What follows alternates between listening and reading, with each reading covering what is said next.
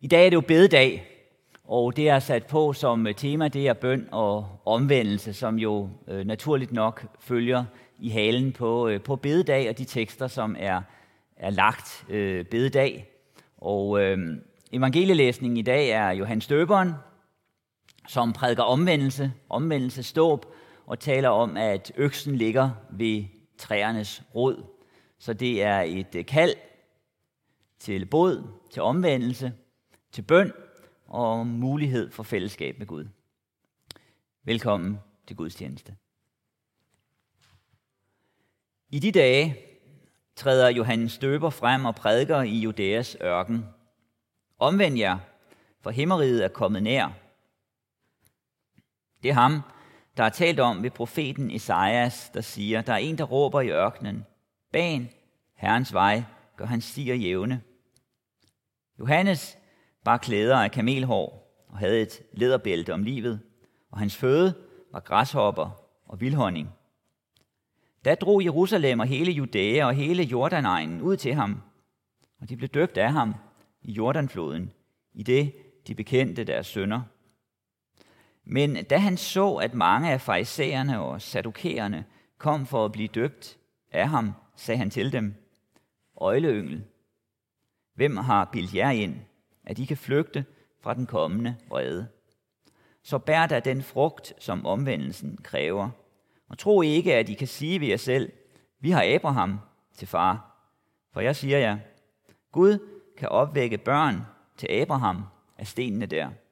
Øksen ligger allerede ved træernes rod, og hver træ, som ikke bærer god frugt, hugges om og kastes i ilden.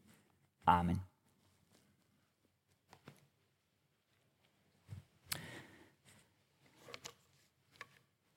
Lad os bede.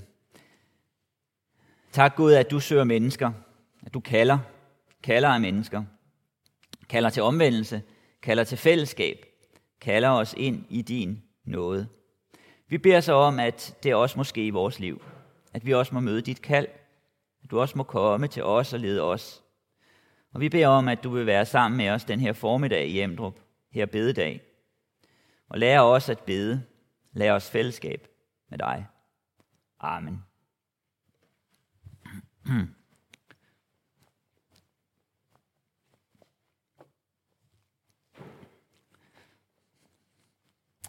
Der er et, øh, et billede, øh, Johannes Døberen bruger, som øh, let kan, kan fange opmærksomheden og sidde på, på nethinden om øh, øksen, der ligger ved træernes rod, øh, som han taler om.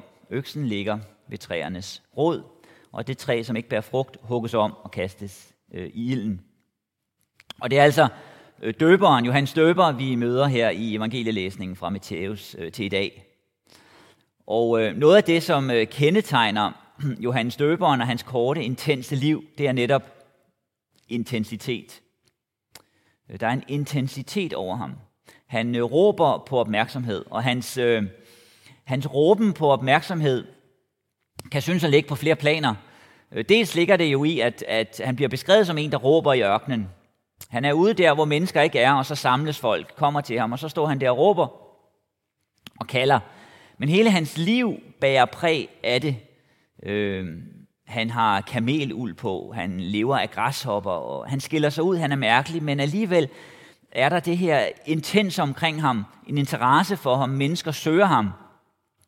Og så er der også en intensitet øh, i hans budskab. Det er som om, at hele hans liv, alt hvad han er, er samlet om det her. Det er det, han satser sit liv på, som også bliver kort.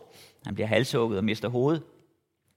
Men han sætter sit liv ind på det og kalder mennesker i en bestemt retning. Der er en alvor over ham, over hans liv og hans budskab. Øksen ligger allerede ved træernes rod. Han var en person, der var omdiskuteret, var øh, provokeret nogen, tiltrak andre. Og øh, radikaliteten hos ham kan jo gøre, at, at øh, mennesker kunne øh, handle lidt forskelligt i forhold til ham. Kan måske have svært ved at finde ud af, hvilke ben man skal stå på.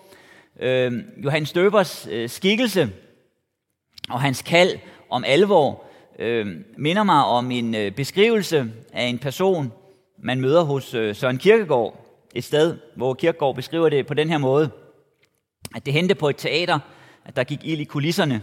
Klovnen kom for at underrette publikum. Man troede, det var en vittighed og klappede.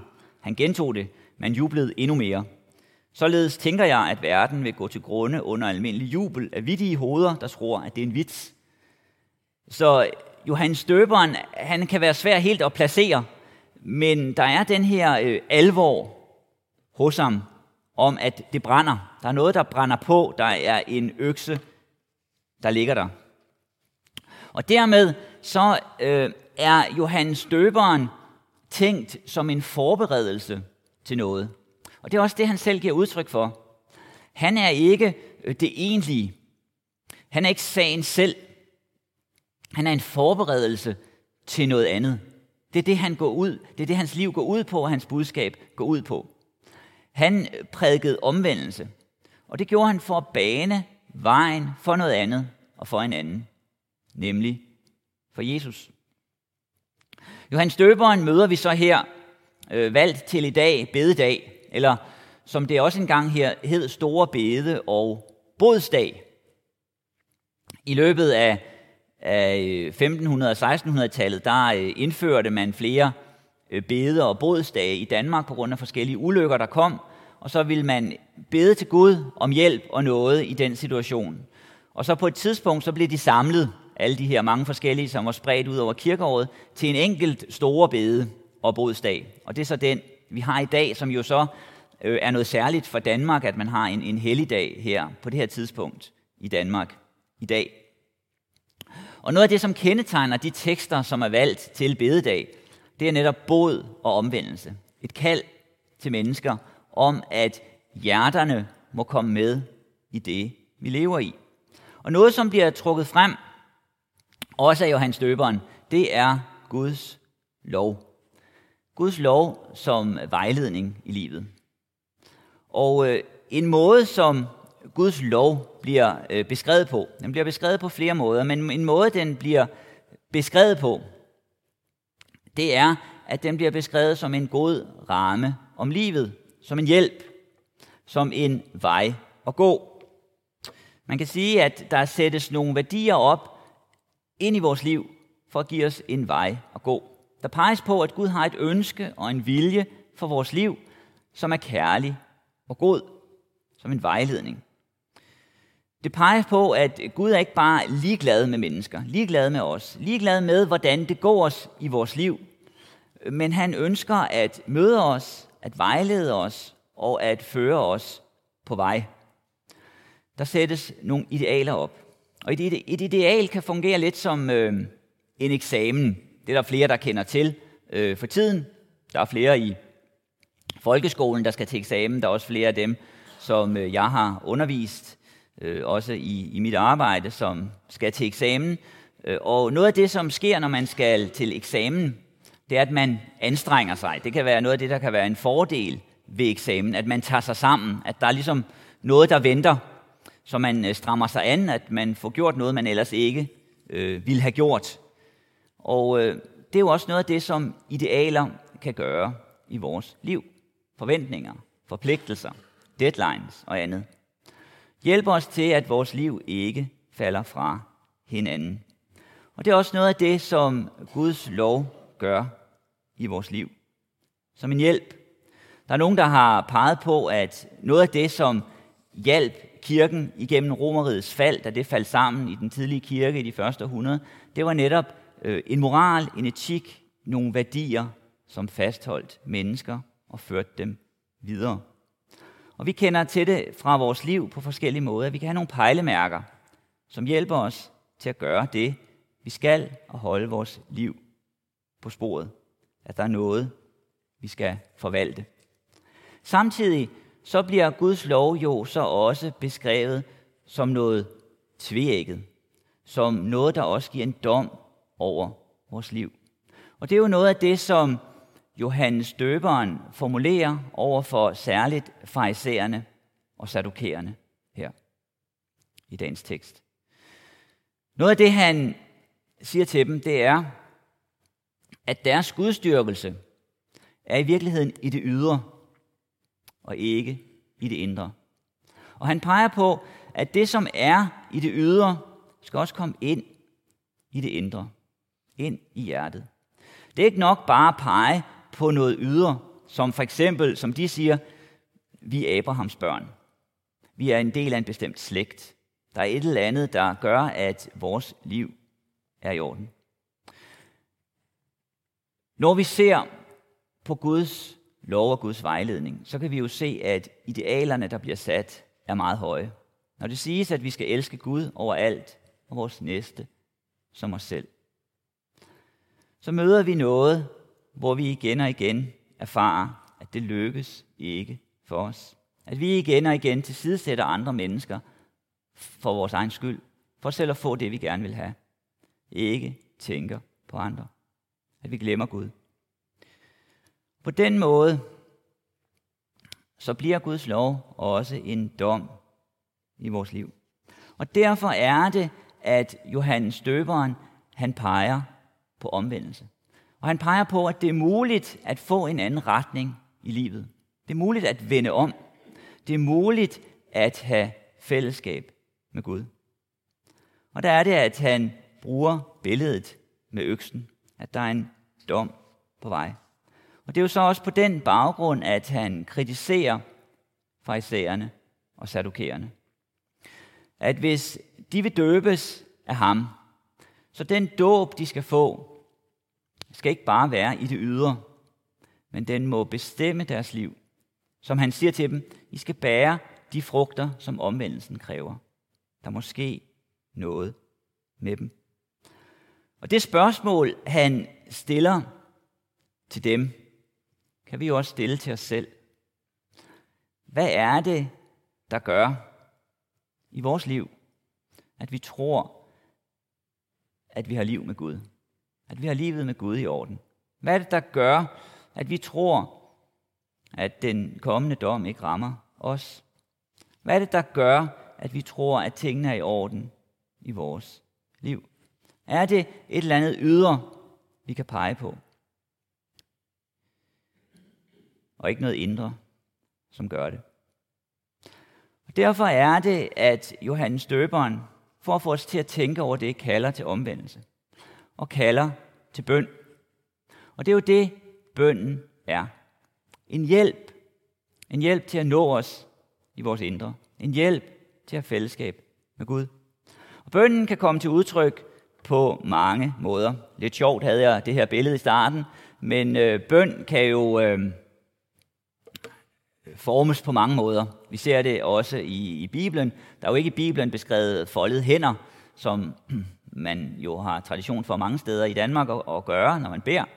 Øh, der er løftet hænder, nogle ligger ned, nogle står op. Der er mange forskellige måder at gøre det på. Men der kaldes til bøn, fordi der kaldes til fællesskab med Gud. Når Johannes kalder til det, så er det jo fordi, han kalder til noget ud over sig selv. Det er ikke omvendelsen, der er målet, men det er det, som omvendelsen fører hen til, der er målet. Og derfor er det egentlige mål og den egentlige gerning for Johannes døberen, det er Guds nåde. Det er Guds nåde, som gives uafhængigt. Uafhængigt af, om vi i det ydre er Abrahams børn. Om vi i det, i det ydre kan pege på forskellige ting, som vi kan stille op, som gør, at vi synes, vi har en særlig status. Der er kun én ting, vi kan pege på, og vi kan hvile ved i sidste ende. Og det er Guds nåde og tilgivelse. Det er, at Gud er os nådig. Og det, som er baggrunden for Guds nåde, som Johannes døberen vil føre os hen til, det er Jesus. Det er ikke døberen selv, men det er Jesus. Det er, at der er en, der kommer, som han siger. Der er en, der er på vej. Der er en, der går i stedet for os. Og det er det, som han vil pege på. Det er det, han vil føre ind i farisæernes liv. Det er det, han vil føre ind i vores liv. Som et centrum i vores liv. Og derfra, der glider alt andet. Der følger alt andet. Der flyder alt andet. Det er det egentlige mål. Det er tilgivelsen. Nogle gange til, øh, til bededag, så har jeg øh, brugt øh, det offentlige skriftemål. Det har jeg så valgt ikke at gøre i dag. Det kunne jeg jo godt have gjort, men øh, det har jeg så valgt ikke at gøre. Det kunne selvfølgelig være oplagt at gøre, men jeg vil give jer et øh, citat fra øh, skriftemålet, som vi har det i ritualbogen, hvor der er en bøn i øh, skriftemålet, hvor man siger, Herre, med et eneste ord kan du gøre min sjæl rask og sund. Med et eneste ord kan du gøre min sjæl rask og sund. Eller som en anden siger til Jesus i et af evangelierne, sig blot et ord, så bliver min tjener rask. Sig blot et ord. Det, som er målet, det er sundhed. Sundhed i det menneskelige liv. Og den her sundhed i det menneskelige liv, den udspringer af fællesskabet med Gud. Den udspringer af fællesskabet med vores skaber. Og der, hvor det etableres, det er ikke det, som vi gør for ham, men det er det, som han har gjort for os. Og det er derfor, det er det, vi kaldes tilbage til. Og i det ord, i det ene ord, der kan vi blive raske, der kan vi blive sunde, der kan vi leve. Der kan vi berøre os af Gud og have fællesskab med Gud. Og derfra, der kan bønden springe, der kan livet komme, der kan frugterne komme. Amen.